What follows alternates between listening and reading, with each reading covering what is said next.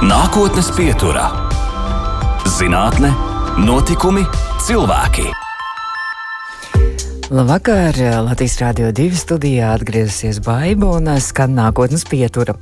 Un dzīvnieku mīļotāju un rakstnieku Džerādu Dārēlu pirmā Grieķijas Korfu salā sastaptā zebiekste esot apbūrusi.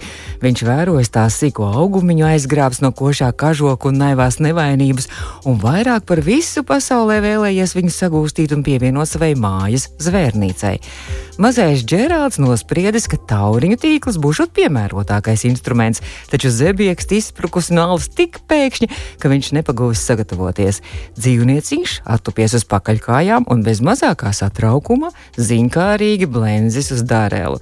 Viņš jau grasījies šaut lejā tauriņu tīklu, kad no krūmiem astes vicinādami izniruši suņi, un zebieks kādu brīdi sastinguši šausmās un par suņu armādas parādīšanos sēdējusi, bet pēc mirkļa jau bijusi prom. Šogad šim Džerāda Dārēla jūsmas objektam un pasaulē mazāk mazākajiem plēsējiem, kas slepkavo un nogalina vairāk nekā pats spēja apēst. Turklāt upurim uzbrūk, aptinot ap to savu ķermeni un iekožās kaklā, piešķirts eh, Latvijas gada dzīvnieku tituls. Par zebiekstiem, citiem zvēriem Latvijas mežos nākotnes pieturā izvaicāsim Latvijas dabas muzeja zinātniskās padomas pārstāvi, Latvijas Zinātņu akadēmijas korespondētāju locekli, Valsts meža zinātnes institūta Silavu vadošo pētnieku, bioloģijas doktoru Jāni Ozoliņu un es saku jums labvakar! Labvakar! nu, tad par tām zebiekstēm. Jūs jau laikam arī kā dabas muzeja pārstāvs un silovas pārstāvs arī eh, bijāt viens no tiem, kas zebieksti šajā godā šogad cēla. Un kāds ir jūsu paša attiecības ar zebiekstēm? Uh, nu, nevar gluži teikt, ka mana izvēle šoreiz bija noteicošā, jo uh, Nacionālais dabas muzejs diezgan mm, tā patstāvīgi izvēlas tos gada dzīvniekus. Protams, konsultējas uh, zebieksti. Uh, Latvijā ir uh, nu, uh, ļoti parasts uh, zīdītājs, uh, bet uh, tai pašā laikā ļoti maz pētīts. Nu, es personīgi pārsvarā nodarbojos ar uh, lielo plēsēju pētīšanu, uh, bet zebiekste ir vis, vismazākais plēsējs. Un uh, ne tikai Latvijā, bet laikam pat visā mm -hmm. pasaulē. Un uh, zebieks ir izplatīta ļoti plaši visā ziemeļu puslodē, tā skaitā pat uh, Āfrikas kontinenta ziemeļos. Nu, protams, tādās sev piemērotākās dzīves vietās, tur, kur ir pārāk sauss vai pārāk augsts, arktiskajos un tūkstnešu apgabalos, viņa nav sastopama. Uh, bet nu, Latvija ir pirmšķirīga dzīves vieta zebiekstēm. Ideāla vieta, jā. Jā, viņas uh, mīl gan mitras, gan, gan sausas vietas, gan mežus, gan tādus nepārāk uh, intensīvi apsaimniekotas lauksaimniecības zemes, arī piemājas zemes. Un uh, tiešām ir uh, nu, tāds, kā Džerāls Darēls aprakstīja, veikls, aburošs plēsējs, uh, maziņš, mīlīgs, bet uh, ļoti reti kāds viņu droši vien būs novērojis, kas tā īpaši nav pētnieki. Un uh, mūsu geogrāfiskajam novietojumam Latvijai ir tā priekšrocība, ka ziemā zebiekstes kļūst uh, pilnīgi baltas uh, visā tajā savā izplatības areālā. Tas tā nenotiek um, pat centrālajā Dienvidu Eiropā un uh, citās, nu, tādas uh, siltākās uh, vietās, kur neveidojas pastāvīgs sniega sega, tur zebiekstis ir cauru gadu vienādas, tas ir tādas tumši brūnas vai sarkanbrūnas ar, ar krasi norobežotu mm, baltu pakrūti, bet uh, nekļūst uh, baltas. Bet Latvijā laikam, rajonos. Latvijā laikam sniegam piemērojās, jā, gaidot to sniegu. Jā, tas ir pielāgojums sniegam Un, nu, galvenokārt tāpēc, ka pateicoties saviem, jeb, jeb dēļ saviem sīkajiem ķermeņa izmēriem, arī zebieksti būdams plēsējs, nu, var viegli kļūt par citu plēsēju upuriem. Nu, šeit tas konflikts ar suņiem, jā, zebieksti var noķert suns, var, var noķert kaķis, pat varbūt drīzāk uh, sajaukt ar kādu peli, jo, jo zebieksti nav garšīga, viņi parasti citi plēsēji. Viņi ir Lievu un kaulaini, laikam. jā, un laikam ir tur kaut kāda muskuļu diedzera arī, kas dara tādu nepatīkamu, līdzīgi kā ciršļi, bet arī plēsīgie putni, gan dienas, gan nakts, jo zebieksti ir visu dienu nakti aktīvi, viņai pašai daudz jāēd, un tāpēc viņi varbūt ir tas uh, intensīvais plēsējs, kas vairāk nogalina nekā spēj apēst, jo, jo uh, viņa nu, ir tāda svaigēdāja, viņai vajag uh, vienmēr ah. svaigt to upuri. Protams, ja, ja galīgi nav ko ēst, viņa samierināsies arī ar jau beigtu dzīvnieku vai savu iepriekš uh, nomedītu. Bet, uh, jā, uh, Un vēl tā īpatnība, ka zebieks tiešām ļoti veikli nogalina, un tas arī dēļ viņas maziem izmēriem, jo viņi nevar atļauties ilgu cīņu. E, bieži vien viņu upuri, e, pēles strupastis ir par viņu lielākas, un tad viņi varētu nokratīt, bet viņi ļoti veikli atrod to vārīgo vietu, vai nu pakausī, vai kaklā, un no šejienes ir arī radies tāds mīts, ka nu, ir, ir vecāki cilvēki man kādreiz arī stāstījuši, ka zebietis esot indīgas. Ne, mm. Nav viņas indīgas, viņas vienkārši ļoti precīzi prot atrast to vājo vietu, kurā iekosties.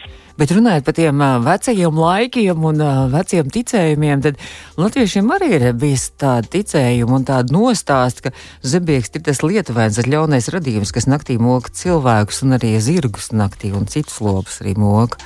Eh, tur, tur varētu būt nedaudz uh, sajukums ar sērmoli, ah. jo sērmolis arī ir tāds, nu, tūs zebieks radinieks, bet viņš ir lielāks, viņš nekļūst pilnīgi balts, viņam paliek melns astes gals ziemā, un viņš uh, ir ar garāku asti. Ja zebieks te asti ļoti strupa, varbūt kā ceturtā daļa no, no ķermeņa garuma, tad eh, sērmolim tā asti ir nu, gandrīz ķermeņa garumā vai pusi no ķermeņa. Uh, un, un arī sniegā, ja mēs skatāmies pēdas, zepieks tēviņš var būt gana liels kādreiz un varbūt sajaucams ar sērmuļu pēdām, bet uh, starp tiem pēdu nospiedumiem, starp tiem lēcieniem mēs nekad neredzēsim astis atstāto švīku. Uh, mm. Sērmulim tas ir. Mm. Tā, tā, tā nianses, tā atšķirība. Bet kāpēc zebieks tas nav pētītas, kāpēc pētnieki, zinātnieki nav viņām pievērsuši uzmanību, kāpēc nav viņas interesants jums? Uh, nu, Latvijā jau vispār, nu, to mēs varbūt drusku pievērsīsimies tālāk sarunai, bet to zvēru pētnieku jau nav daudz, un tās tradīcijas ir diezgan tādas, nu, jaunas un, un varbūt nepilnīgas. Mm -hmm. Un, uh, uh, protams, uh, ja mēs vēlamies uh, kaut ko pētīt, Eh, tad eh, nu, vispirms tiek domāts par tādiem lielākiem, redzamākiem eh, dzīvniekiem, jo zebieks nebūtu viegli pētīt. Tur ar tādiem gadījumu novērojumiem nepietiktu, jo viņi tiešām nu, tāds ļoti slēpts dzīvesveids. Ziemā zem sniega, vasarā arī grauzēja alās un, un grūti pamanāms, tur būtu vajadzīgs tāds modernas tehnoloģijas droši vien, Un, nu jā, mēs tomēr sākam ar to vienkāršāko, jo arī mūsu lielie zīdītāji ir nepārāk labi pētīti. Mm nu, tā nu tas Latvijā ir sanācis, ka, ka mums nav pārāk dziļas tieši zīdītāju pētniecības tradīcijas. Tā kā īstenībā tiem, kam, tiem, kam interesē šī, šī dzīvnieku lieta un arī pētniecība, tā kā visas iespējas un, un, un, un tiešām tad plašs darbības lauks arī pavērs arī jaunajiem pētniekiem, zinātniekiem šajā jomā. Nu, Nu, tas gan, jā, tas, tas tā pilnīgi noteikti, bet, nu, zinātnē jau vispār ir tā, ka uh, gribās vai nu kaut ko jaunu, neatklātu, un tad uh, zvēru pētniekam Latvijā ļoti grūti, protams, var atrasties arī kāda jauna, un arī fauna mainās, kādu jaunu sugu atklāt priekš Latvijas. Bet, uh, nu, parasti jau mēs izmantojam jau tādus esošus procesus un esošas zināšanas un pārbaudām uh, viņu Uh, nu, teiksim, darbību un, un īpatnības Latvijas teritorijā. Mm -hmm. Un tad zebiekstes ziņā jau arī tie citu valstu pētījumi nu, nav nemaz tik daudz. Mm -hmm un tās salīdzināšanas iespējas arī ir diezgan mazas, bet nu varbūt, ka kāds eh, jaunais censonis, mm -hmm. kas pievērstos šai sugai, tomēr atrastu arī eh, nu, tādus pētījumus un kolēģus citās valstīs un citos klimatiskajos apstākļos. Par jūsu pašu pētījumiem un arī atklājumiem parunāsim nedaudz vēlāk pēc mūzikas. Vēl tikai gribu piebilst to, ka tomēr par zebiekstēm, nu, tad, ja šis ir gada dzīvnieks, tad dabas muzeja arī laikam no 19. Janvāra jau tur var aplūkot arī šo gada dzīvnieku dab, dab, dabas muzejā, zīdītā ekspozīcijā arī tiks atklāta pavasarī. Tur arī varēs apskatīt, un arī es saprotu, ka arī iedzīvotāji ir aicināti arī reģistrēt zebiekstu novērojumus vietnē dabas dati. Vai jums ir informācija? Jā, un skatieties pēdas, uh mhm. -huh. un skatieties tajos brīžos, kad sniegs nokusis, skatieties vērīgi, vai tur neskraida mazs balts zvēriņš. Mm -hmm. Kaut kad pavasarī jau tad zvēriņš jau paliks jau citā krāsā. Tagad pagaidām vēl. Jā, balts. jau aprīlī būs pa vēlu. Labi. Um, Meža zinātnes institūts Silo vadošais pētnieks, bioloģijas doktors Jānis Ozoliņš ir uh, mūsu um, attālinātais viesis šodien nākotnes pieturā. Mēs pēc brīža turpināsim par jūsu pašu daudziem pētījumiem. Nākotnes pieturā - zinātne, notikumi, cilvēki. Droši vien, ka Lāča joprojām krāt savā saldajā ziemas miegā, bet mūsu nākotnes pieturs attālinātais viesis šodien ir zinātnieks, pētnieks, bioloģijas doktors. Meža zinātnes institūta Silo vadošais pētnieks Jānis Ozoliņš. Un par lāčiem tad mēs varētu arī turpināt, jo es saprotu, ka Silovā šobrīd arī ir šo lielo plēsēju aktīvi monitoringu, un tā skaitā arī lāču monitorings pie jums arī norisinās šobrīd. Ja? Tieši tā, mēs Silovā kopā ar kolēģiem nu jau vairākus gadus sekojam lāču gaitām Latvijā. Un, ja mēs pirms uh, gadiem sākām uh, vienkārši ar lāču klātbūtnes apzināšanu, uh, izējot noteikts maršruts, reģistrējot pēdas, ievācot ziņas no, no citiem gadījumu novērojumiem, tad pēdējos gados mēs esam kopā ar kolēģiem uzsākuši tādu lāču skaita precizēšanu ar mm, DNS, tas ir ģenētisku eh, materiālu saturošu paraugu ieguvi. Un, eh, nu, sakarā ar tikko dzirdētās dziesmas vārdiem, mēs tai pētījumu gaitā jūtamies apmēram līdzīgi, jo mhm. viens no paraugu iegūs veidiem ir tā saucamās matu lamatas. Jā, es lasīju par to, kas tas ir. tas, tas ir diezgan vienkāršs veidojums, ko arī viens uh, kolēģis uh, bija atradis uh, zinātniskajā literatūrā, jo arī citos, citos lāču izplatības reģionos jau tiek izmantots. Uh, ka mežā uh, izvieto tādu smirdošu objektu, tas ir uh, satrūdējis celms, ko salēja ar tādu sapūšu tur šķidrumu. Tur nedrīkst būt barība, jo lāčus mēs nedrīkstam pieradināt pie barošanas, bet vienkārši tāds smirdošs šķidrums, kas atgādina pūstošu dzīvnieku, jo lāči barojas arī ar līķiem, sevišķi pēc ziemas. Un apkārt tiek apvilkta zeloņdrāts tādā augstumā, lai lācis lienot pa apakšu vai kāpjot pāri, eh, aizķertos, respektīvi viņa mati un, un kāda šķipsni mm, iztrūktu. Zīdītāji mēs sakām mati. Oh, tieši, Zoologi jā. saka oh. mati, jā, spalvas ir putniem. Bet, oh.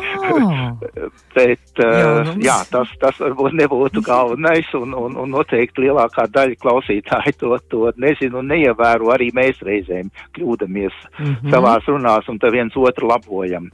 Bet uh, kolēģi, jā, citi vadošie pētnieki mūsu institūtā, uh, Dainis Ruņģis konkrēti no molekulārās ģenētikas, jeb ģenētisko resursu centra, ir apgūs metodi, kā izdalīt DNS, kas ir tāda unikāla pase mums visiem dzīvajiem organismiem, katram sava.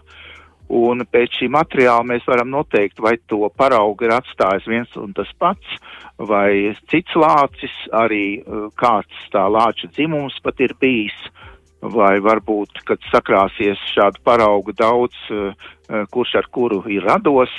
Mm. Un uh, tas ir ļoti vērtīgi, jo pēc pētām to tik precīzi nevar pateikt.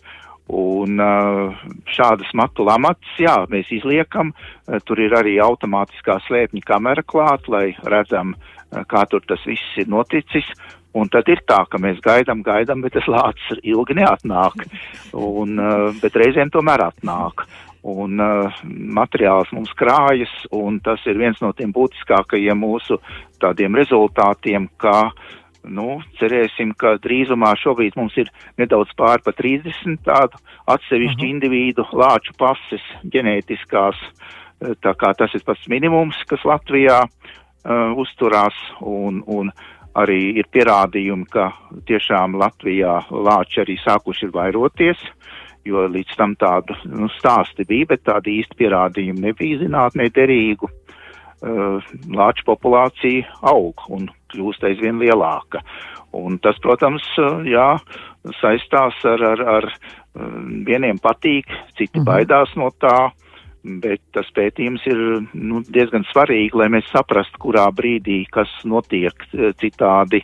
Tiešām bez šī monitoringa nu, nevarētu pateikt, vai viens un tas pats lācis uh, pabū, pabona vai, vai kā to saka, vairākās vietās, mm -hmm. vai tomēr uh, tie ir dažādi indivīdi. Un šobrīd tāda vislāčainākā vieta laikam ir mūsu pašu ziemeļvidzeme, uh, Limbažu, Valmieras, uh, Valkas novadi. Uh, kur tad ir diezgan jau tāds ievērojams uh, lāču blīvums, nu, līdzīgs gan drīz kā kaimiņu valstī Igaunijā. Jā, bet viņi arī laikam mazliet uh, klejo un arī ceļo no Igaunijas arī pie mums reizēm ieklīst arī laikam kāds lācis. E, ne, nu, protams, ka viņi ir uh, pēcnācēji Igaunijas lāčiem, un uh, tāds otrs uh, lāču ieceļošanas reģions ir uh, mūsu robeža ar, ar Krieviju un Baltkrieviju. Uh, Eh, kur arī eh, nu, lāči diezgan bieži viesojās, un varbūt tas vietējais eh, blīvums ir mazāks, bet katrā ziņā visu Latvijas austrumu puse, arī centrālā vidzeme, ir lāču diezgan bieži apciemot, un, protams, ir arī vietējie lāči, kas vairs Latviju nepiem, nepamet, tur gan ziemo, uh, gan arī sākuši ir vairoties. Nu, kurzemē lāči ir uh, retāki viesi, kaut gan arī jau regulāri vismaz par vienu, diviem lāčiem tiek ziņots. Mēs mm -hmm. paši vēl neesam uh, nu, iegūši ģenētisko materiālu no kurzemes lāčiem. Bet runājot tieši, um, gribēju vēlāk pavaicāt, bet runājot par šo robežu, ja mēs sākām par šo tēmu runāt, šobrīd arī ir, nu, aktuāls ir šis žoks ar Baltkrieviju, un tad arī um, tur dažādi ir viedokļi par to, ka varbūt žoks arī kaitēs dzīvniekiem, bet es palasīju, ka jūs agrāk esat tāds komentārs teicis par agrākajiem žogiem, ka tas pārāk nemaz, uh, teiksim, lāčiem, dzūkām, vilkām, vilkiem uh, šie šie žogi uh, netraucē un tie caurumi žogā, kas tur ir atstāti, var būt netik bieži atstāti. Vai tā ir taisnība? Uh, mēs tikko uh, aizvadītā gada nogalē veicām tādu nelielu pētījumu saistībā ar paredzamo žogu izbūvi gar Baltkrievijas robežu. Nu, protams, tas saucamais pagaidu žoks, tas uh, dzeloņdrāšu muzģeklis, kas tur šobrīd atrodas, nu, tas nav uh, draudzīgs uh, nevienam savvaļas dzīvniekam. Kaut gan pat stirnas uh, tur prot izspraukties cauri mm -hmm. un uh, lapsas un tāda vidēja izmēra, nu, lācim tur droši vien klātos uh, nelāgi, jo, jo lācis ir pietiekoši liels un iespējams, ka atstātajās delendrādīs ne tikai matus.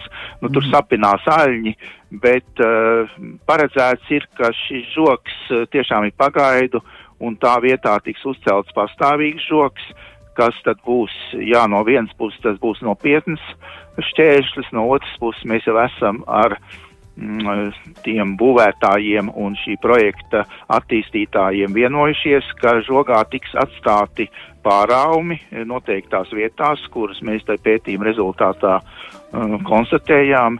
Nu, jau man pat ir aizmirsies, bet man liekas, ka tie bija tādas sešas vietas, mm -hmm. uh, kuras tad, uh, nu, tajā brīdī, kad mūsu valsts nebūs apdraudēta, varēs atvērt un, un dzīvnieki pārvietoties. Mm -hmm. nu, galvenais ir, lai šajā zonā uh, dzīvnieki netiktu traucēti, jo, jo tajā satraukumā, bēgot, nu, viņi, protams, var ieskriet un iepīties un savainoties jebkurā žogā, bet eh, nu, par to savukārt būs jādomā, lai tur nenotiktu medības, teiksim, ar dzinējiem, ar suņiem eh, kaut -hmm. kādā zonā.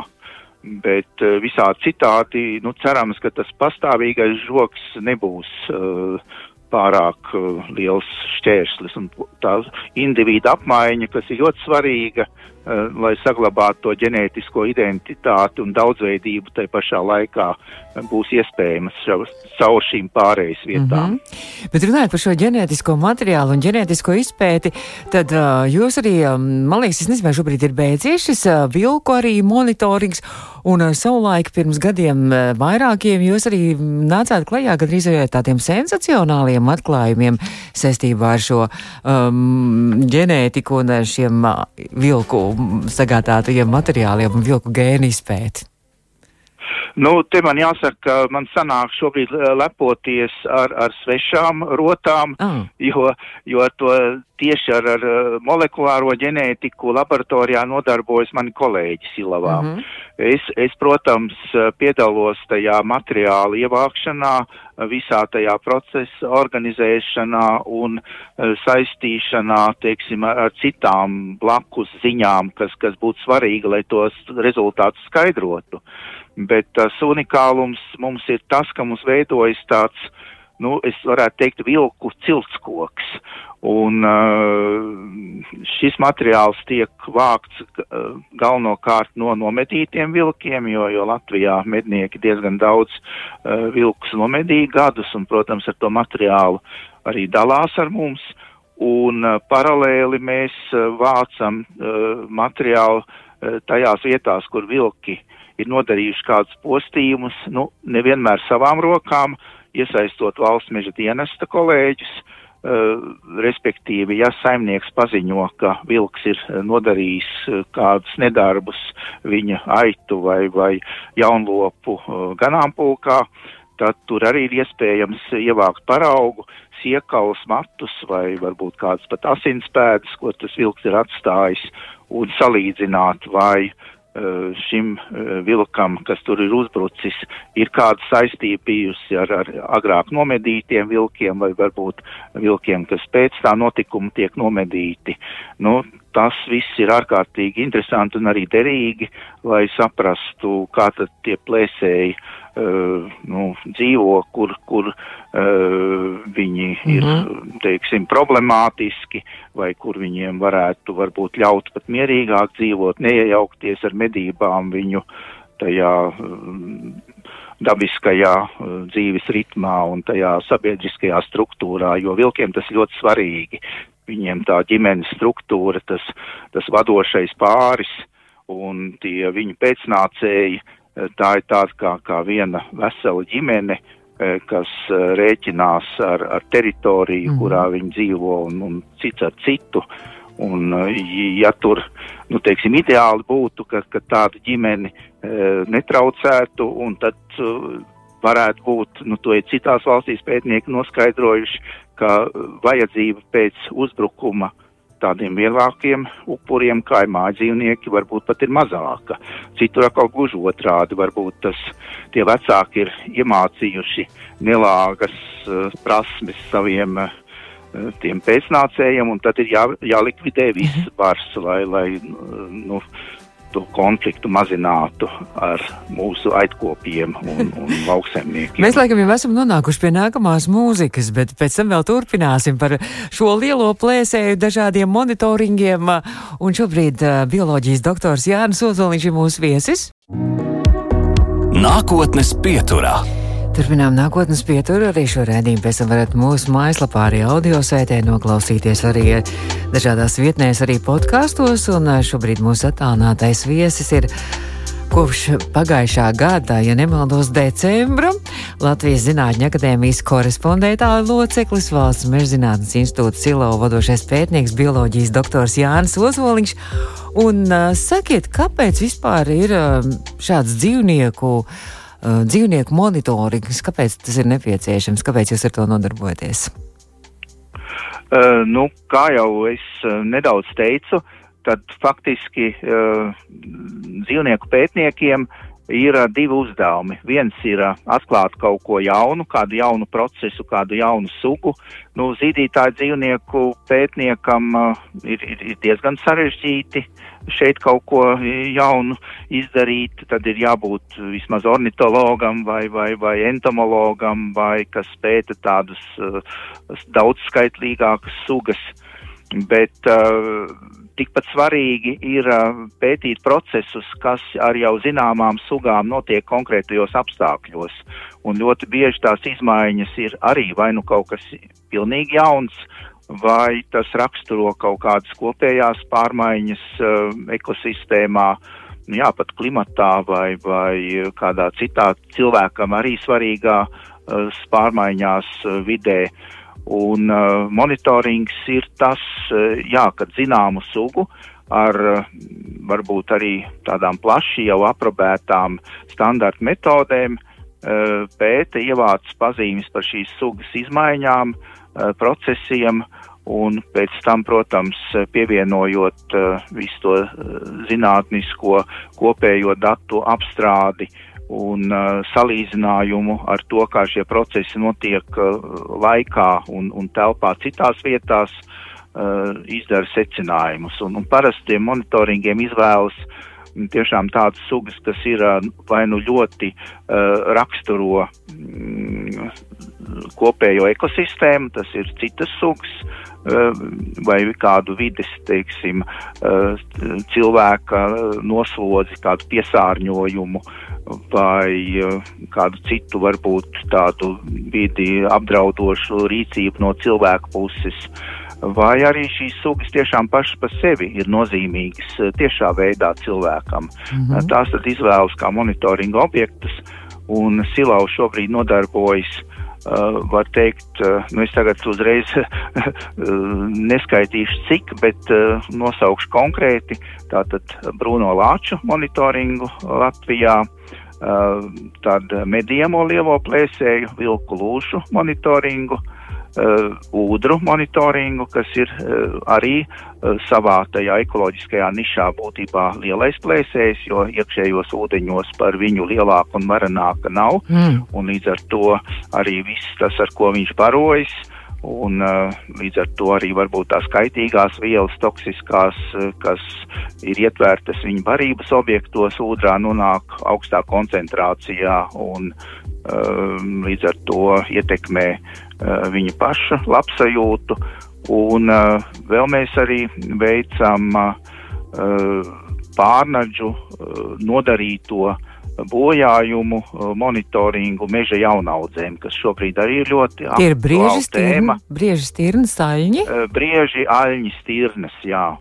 Ko nu kurais brieži ir visuniversālākie, jo tie šobrīd ir sasnieguši diezgan lielu skaitu un viņi bojātos kociņus, teiksim, tā visilgāk no pavisam maza līdz jau tādu krietnu Eh, kādu 15 gadu eh, vecu eh, koku aļņi, tie savukārt vairāk jau tādus nedaudz vecākus, varbūt no, no, no tiem 15 gadu, nu arī, arī mazākus, savukārt stirnas, tādas pavisam mazas pirmajos piecos gados, skujko koku un apšu bojājumi, tie ir tie vissāpīgākie meža atjaunošanai uh, jo tie, tās ir arī tās koku sugas, kas eh, šiem pārnačiem visvairāk garšo. Mm -hmm. Jūs droši vien arī eh, dodat arī kādas rekomendācijas un izstrādājat arī eh, medību saimniecībai, medniekiem un tā tālāk, cik, cik ļautu medīt un vispārējā tā politika. Nu, viena no rekomendācijām ir, ko mēs pašlaik arī gatavojam, tādu zinātnisku rakstu, sadarbībā arī ar Vides risinājumu institūtu, kas Cēsīs darbojas. Eh, tas ir par jautājumu, ka uh, dzīvnieku pārnaģu uh, nodarītie postījumi vai tas postījuma risks mežaudzēm nav saistīts tikai ar dzīvnieku skaitu vai populācijas blīvumu, tas ir skaitu uz kādu laukumu vienību, bet arī to pašu uh, populācijas struktūru, jeb vecumu. Jau arī citi zinātnieki ir konstatējuši, ka atkarībā no tā, cik dzīvnieks ir vecs vai, vai kāda dzimuma, viņš barojas dažādi, patērē arī dažādu barības daudzumu, teiksim, intensīvāk un vairāk ēd jauni dzīvnieki. Hmm. Un uh, arī, protams, uh, sievišķā dzimuma pārstāvji uh, tēviņi tādi drusku pieticīgāki. Jā, bet tas viss ir ļoti svarīgi un tas ir jāsaist ar to, kā mednieki izmanto tos dažādos mm -hmm. dzimumus. Jo, diemžēl, pastāv arī medniekos un arī sabiedrībā pastāv aizspriedums, ka jaunus dzīvniekus, tur stirnēnus, briežu teliņus, nu tā kā negribās medīt, pasaudzēt gribās, uh, Eh, arī eh, sievišķā dzimuma pārstāvis, tā kā negribās, un tad tiek medīti tie ragaiņi, bet uh, dabā faktiski to kopējo slodzi uz barības bāzi nosaka tieši tie sievišķā dzimuma un, un tie jaunie dzīvnieki. Un tie ragaiņi savukārt, nu, viņi tur nav tādi ļoti jāsaka, pārāk izvēlīgi ar pretējo dzimumu un arī esot mazākumā, nu, viņi sniedz tos, tos vairošanās pakalpojumus diezgan lielam sievišķā dzimuma pulkam.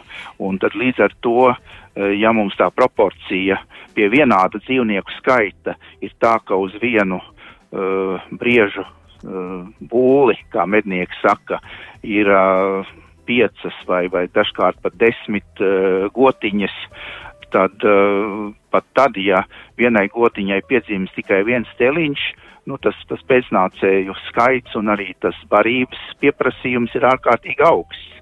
Savukārt, ja populācijā ir līdzsvarots tas tēviņu mātīšu un nu, zinātnieki jau ilgstoši iesaka, ka Eh, vislabākā proporcija ir viens pret viens pret viens, ka, ka, ka ir līdzīgās proporcijās gan tēviņi, gan mātītes, gan eh, pēcnācēji.